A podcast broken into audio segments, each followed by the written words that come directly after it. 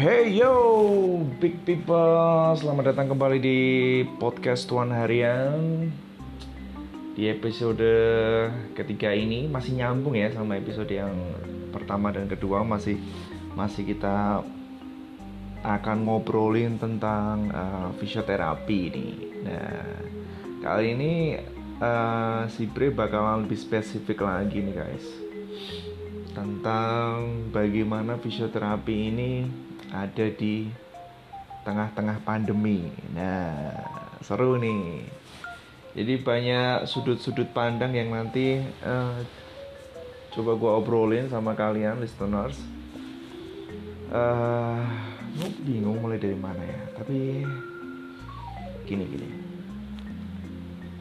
Well, we know uh, kita nggak bisa ngindarin sekarang corona sudah banyak menyebar dari Sabang sampai Merauke Emang Merauke sudah ada ya? Kelihatannya belum ya Merauke. Eh sudah sudah. Sorry, Papua sudah ada kelihatannya. Gitu. Dan kita tahu uh, grafiknya selalu menanjak terus, uh, angka positif naik, angka meninggal juga naik, angka sembuh juga naik, gitu aja. Sampai kapan? Sampai waktu memisahkan kita. enggak enggak masih belum banyak yang bisa bisa bisa memprediksi dengan tepat sih menurut si Bre. Jadi pemerintah pun juga masih Pak Jokowi bilang kalau kita disiplin Juli selesai. Tapi who loh. Negara-negara yang lebih hebat dari Indonesia saja masih masih masih kesulitan juga untuk untuk memprediksi pandemi ini gitu So kita nggak tahu sampai kapan. Lalu apa yang kita bisa berbuat? Bertahan hidup pastinya. Kuncinya bertahan hidup. Bertahan hidup sebagai seorang fisioterapi yang mata pencariannya adalah dalam tanda kutip menjual jasa, menjual keterampilan skillnya untuk uh, membantu para pasien untuk bisa bisa bergerak dan berfungsi secara maksimal anggota gerak tubuhnya itu merupakan hal yang sangat sulit sekarang di era pandemi corona seperti ini. Kenapa guys? Karena ketika teman-teman sejawat saya yang yang yang bekerja di area instansi kesehatan misalnya klinik, rumah sakit dan fasilitas-fasilitas kesehatan lainnya sulit karena kan terbatasi. Sistemnya kan membatasi sistem yang sudah diterapkan oleh pemerintah, kemudian adanya surat edaran-edaran dari Ikatan Fisioterapi Indonesia ataupun dokter-dokter yang ada di rumah sakit pun membatasi supaya pasien tidak datang ke poli fisioterapi.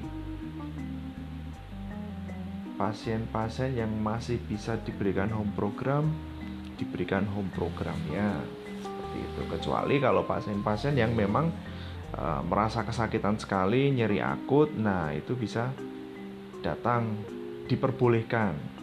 Tapi pasti melewati screening sekarang. Kalau kalau di rumah sakit pasti akan akan dicek suhunya, lalu akan diberikan form pertanyaan, nama, usia, dari mana, pernahkah uh, berkunjung ke tempat domisili yang yang yang yang terdampak pandemi atau boleh dikatakan red zone misalnya di Jakarta mungkin atau di Solo mungkin atau mungkin ada pertanyaan-pertanyaan yang pernah uh, apakah ada saudara atau uh, keluarga yang datang dalam tujuh hari terakhir ini misalnya dari dari dari daerah yang red zone seperti itu hal-hal seperti itu mulai didisiplinkan oleh beberapa rumah sakit. Seperti itu. Meskipun meskipun banyak juga yang hmm, jadi standar itu tuh masih tidak bisa sama gitu loh.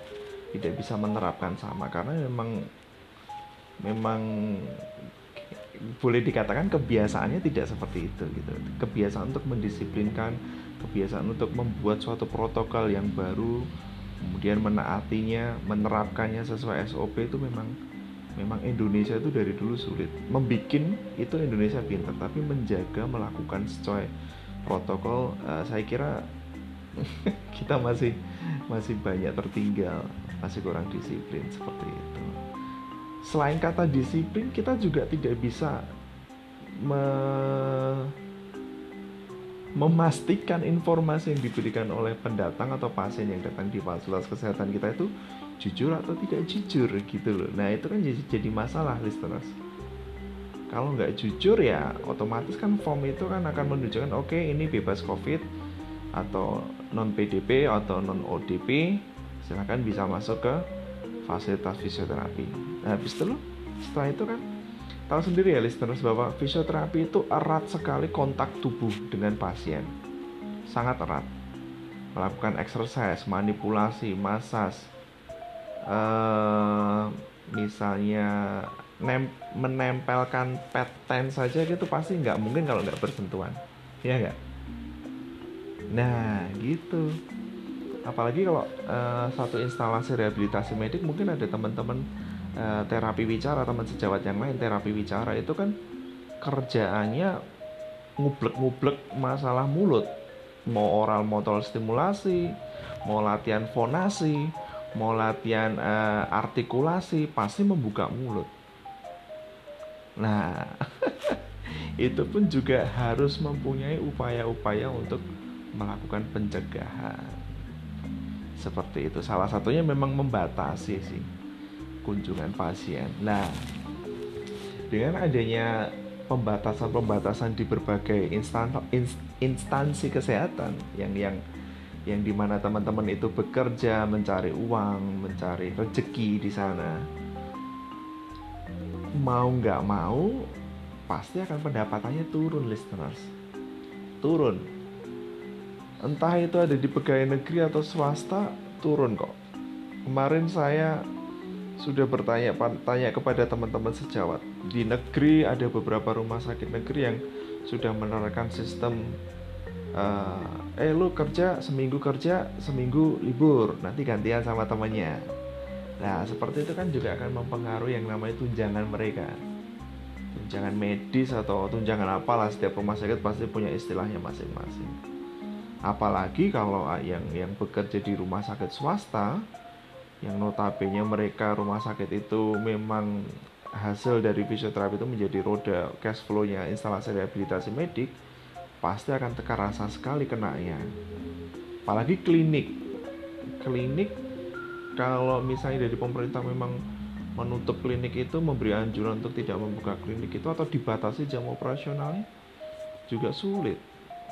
Gitu loh kalau menurut si Bre itu klinik itu masuk dalam UMKM kali ya. Jadi kalian pernah dengar kan beberapa kali ini banyak yang menyebutkan bahwa UMKM itu sebelum terjadi corona itu adalah uh, apa namanya suatu suatu bagian yang mendukung perekonomian Indonesia cukup besar mensumbangsikan cukup besar Makanya kok kenapa pemerintah memberikan kredit usaha rakyat untuk UMKM itu juga besar-besaran dengan eh, dengan bunga yang murah. Setahu saya terakhir terakhir tuh 6% dalam setahun setahu saya loh ya. Nah, begitu pun juga klinik fisioterapi, klinik kecil-kecil fisioterapi.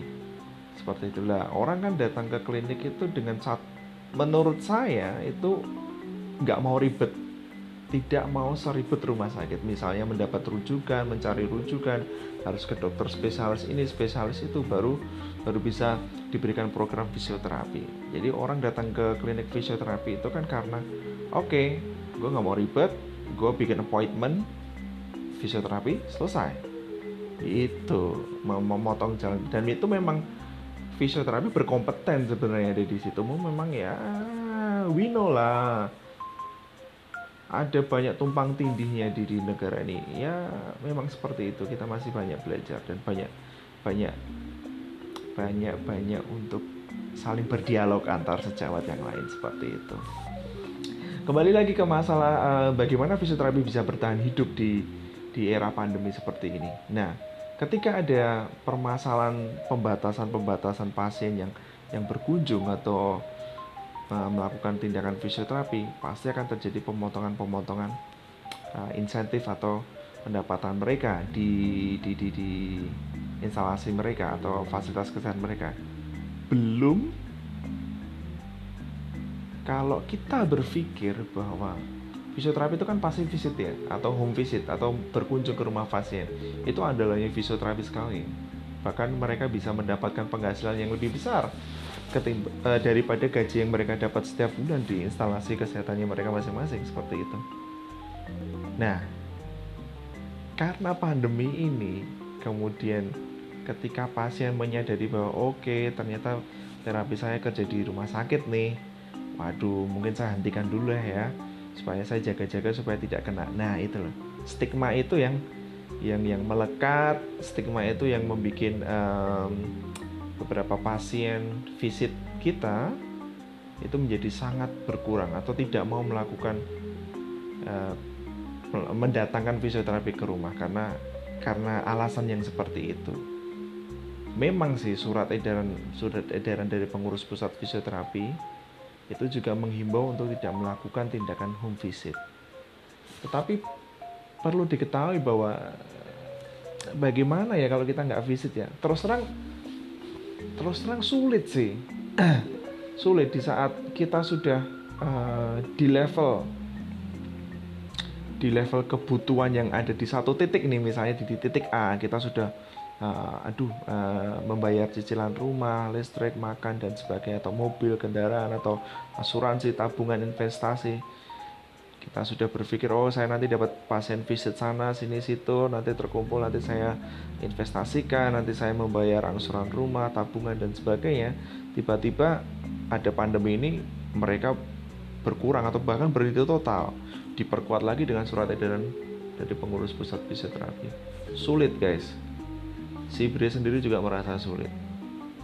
Tapi uh, kalau kalau si Bre boleh cerita pribadi ya saya masih uh, masih ada orang yang percaya ke Sibre untuk untuk datang ke rumah mereka gitu loh. Dan Sibre juga terus terang agak pemilih sekarang. Kenapa kok pemilih? Saya harus melihat dulu pasiennya kasusnya apa, riwayatnya seperti apa. Seperti itu. Biasanya yang saya ambil adalah kasus-kasus di mana pasiennya masih muda. Lagi-lagi saya karena kerjaan saya ada di bidang sport fisioterapinya di bidang sport injury ya biasanya saya mengambil kasus-kasus pos operasi ligamen pos operasi meniskus yang memang dibutuhkan cepat. Jadi dari dari operasi itu memang memang dibutuhkan fisioterapi untuk melakukan tindakan secepat mungkin. Karena kalau enggak ya lengket terjadi perlengketan pada ligamennya terjadi fibrosis nanti operasi lagi itu yang di itu yang dikhawatirkan oleh sudut pandang saya seperti itu. Nah maka dari itu saya masih mau mengambil job-job visit yang seperti itu. Pun tapi saya juga melakukan tindakan preventif. Saya tidak mau mencelakai pasien saya. Dengan cara apa sih guys? Dengan cara mandi. Saya sebelum datang itu mandi dulu seperti itu. Atau biasanya malah saya disuruh mandi lagi ke rumah pasien. Mas mandi dulu ya. Gitu. Saya disediain handuk gitu. Ya minimal hand sanitizer cuci tangan dengan sabun. Lalu saya menggunakan apa namanya uh, hand atau sarung tangan dari karet latek itu. Masker pasti. Seperti itu. Kalaupun misalnya uh, mendapatkan pasien-pasien dengan kasus stroke kemudian ada program chest PT atau postural drainase ya kita menggunakan face shield supaya uh, droplet yang mungkin dikeluarkan pada saat melakukan postural drainase dan PT itu bisa terminimalkan untuk terkena dengan wajah kita seperti itu Lalu setelah melakukan tindakan fisioterapi di rumah, saya biasanya melakukan cuci tangan dengan sabun, minta izin untuk ke wastafel atau ke kamar mandi. Seperti itu. Nah, saya masih berpikir ini ini belum tentu kejadian kejadian seperti ini. Artinya saya masih bisa dipercaya tapi ada beberapa orang yang benar-benar uh, benar-benar stuck cuma mengandalkan kerjaan di rumah sakit atau klinik. Kalau misalnya klinik itu selesai tutup mau seperti apa fisioterapi untuk mendapatkan nafkahnya? Itu itu itu yang yang yang coba si Bre pengen bahas seperti ini jadi come on. Uh, kita memang berada di situasi yang sulit. Semuanya serba sulit. Semuanya serba sulit. Mau bergerak dibatasi mau mau dipercaya juga sulit gitu loh. Tapi saya selalu ingat bahwa ada pepatah manusia itu memang butuh suatu masalah gitu. Ingat manusia itu butuh suatu masalah. Supaya mau berpikir, mau menciptakan peluang-peluang yang baru. Seperti itu. Kalau kalau boleh berbagi bahwa ingat setahu saya loh kalau di Arab sana kita, mereka me, me, menanam biji kurma atau tanaman kurma itu bijinya dimasukkan ke tanah lalu ditutupin dengan batu. Lalu apa yang terjadi ketika proses pertumbuhan karena si uh, batang itu sulit untuk menembus batu apa yang apa yang terjadi? Progres pada akarnya itu menjadi sangat kuat sekali guys. Sangat kuat. Ketika akarnya sudah sangat kuat dan bercabang banyak ke bawah akhirnya kekuatan untuk menggeser batu itu muncul. Dak batu itu muncul lalu si kurma pohon kurmanya menjadi tumbuh besar besar dan dipercaya bahwa ketika ada badai atau apa pohon kurma tetap bisa berdiri. Nah itu filosofinya di situ.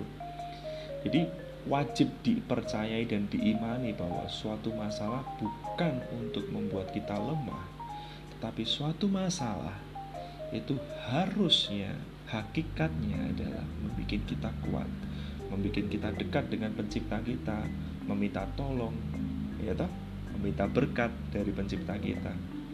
Kita bisa berpikir kreatif.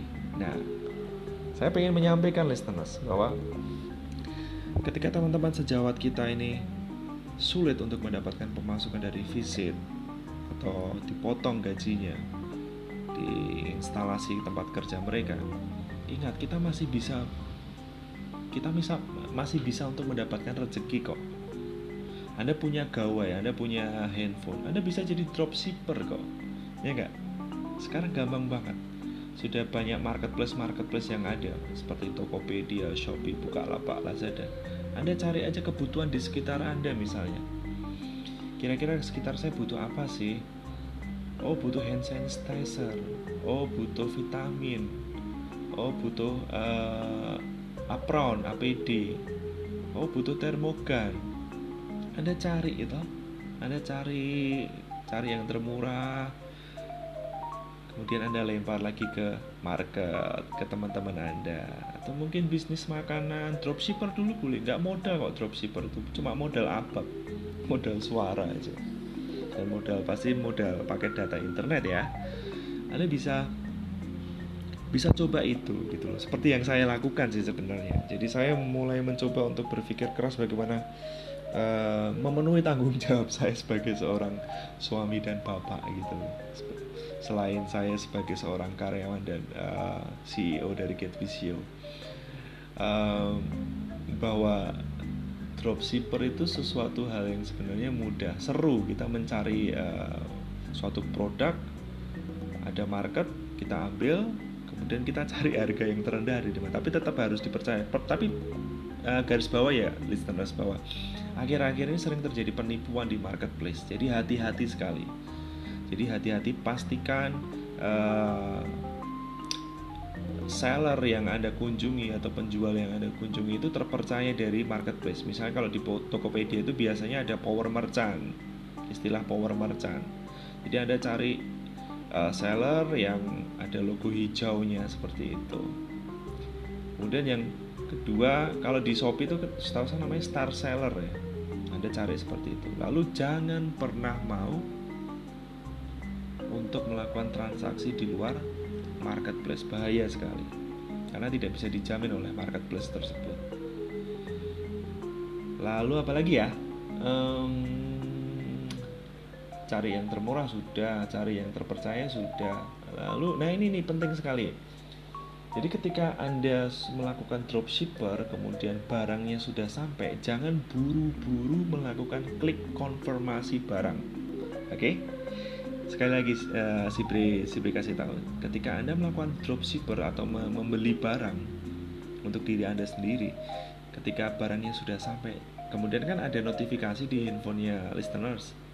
Lalu jangan buru-buru mengklik lalu mengkonfirmasi bahwa barang itu sudah sampai pastikanlah dulu barang yang Anda beli atau barang yang Anda dropshipperkan ke eh, pelanggan Anda bahwa barangnya itu sesuai dengan pesanan, tidak rusak, tidak cacat. Nah, seperti itu. Baru setelah ada konfirmasi tidak rusak, tidak cacat, Anda baru klik konfirmasi bahwa ini tidak rusak, tidak cacat. Tapi kalau misalnya rusak, kalau bisa unboxingnya itu direkam sebagai bukti untuk dikirim ke marketplace. Supaya nanti kalau ada masalah rusak atau catat itu bisa dipertanggungjawabkan listeners seperti itu. Nah tadi kita ngomongin dropshippers.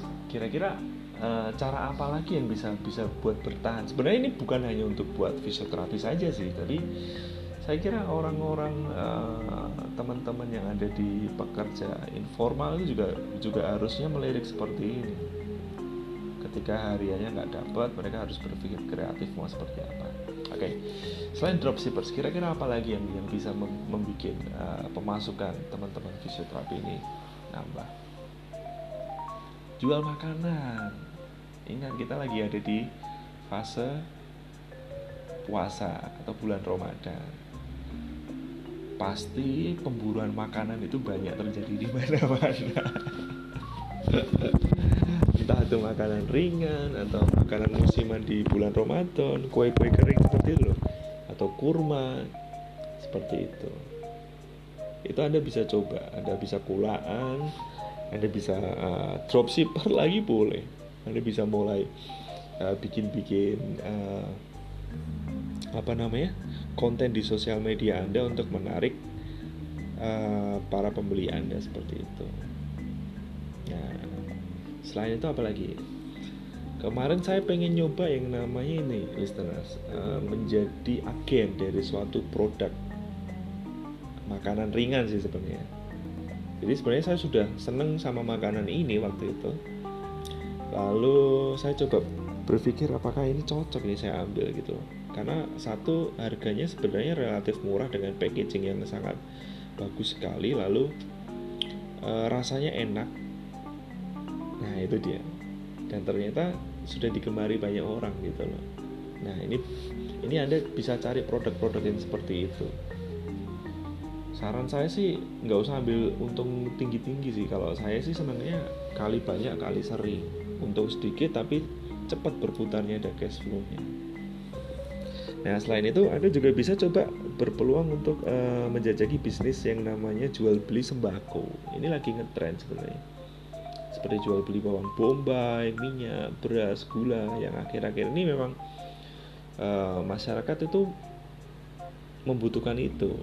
Syukur-syukur listeners bisa memberikan fasilitas uh, eh, COD mungkin atau pengiriman barang di kota yang ada di di daerah situ supaya memudahkan orang untuk untuk uh, mengerti kebutuhan yang eh sorry mengerti apa yang kita miliki gitu loh. Oh ini mereka jualan ini seperti itu.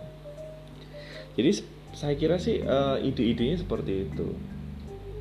Mungkin mungkin listeners juga punya cara yang lain untuk bisa bertahan hidup mungkin menanam listeners. Menanam dengan teknik apa itu namanya? Hidropolik atau apa itu yang ada di styrofoam dan sebagainya. Menanam sayur-sayuran menanam buah-buahan seperti itu. Menanam bayam cabai. Manfaatkan tanah yang ada di sekitar listeners untuk bisa ditanam. Supaya nanti kelak bisa uh, menghasilkan buah atau misalnya sayur bisa di dikonsumsi sendiri atau bahkan bisa diperjualbelikan. Itu juga akan menguntungkan buat uh, menambah pemasukan yang ada di kehidupan teman-teman sejawat fisioterapi. So jadi begitu edisi kali ini kita bahas tentang bagaimana cara, strategi atau uh, sudut pandang lain untuk bisa mendapatkan pemasukan buat teman-teman fisioterapi di luar aktivitas fisioterapi loh ya pastinya seperti itu. Oke, tetap sehat teman-teman fisioterapi dan teman-teman yang ada di seluruh Indonesia dan dunia. Tetap jangan panik. Ingat, corona itu ada. Tetapi ketakutannya jangan dilebih-lebihkan. Sekali lagi, corona itu ada, bahayanya ada, dangersnya ada. But fearlessnya, rasa takutnya, jangan digoreng. Jangan melulu menggoreng atau melihat media-media yang menggoreng isu-isu yang negatif tentang corona. Kematiannya lah dan sebagainya dan sebagainya. Ambil selalu sisi positifnya. Oh, sudah sembuh sekian. Oh, ada pengobatan yang uh, bisa meningkatkan imunitas. Nah, itu akan meningkatkan rasa percaya diri Anda, rasa ketenangan Anda dan dan itu juga akan berpengaruh terhadap peningkatan imunitas secara alami. Seperti itu. Aquí mi equipado. Chao.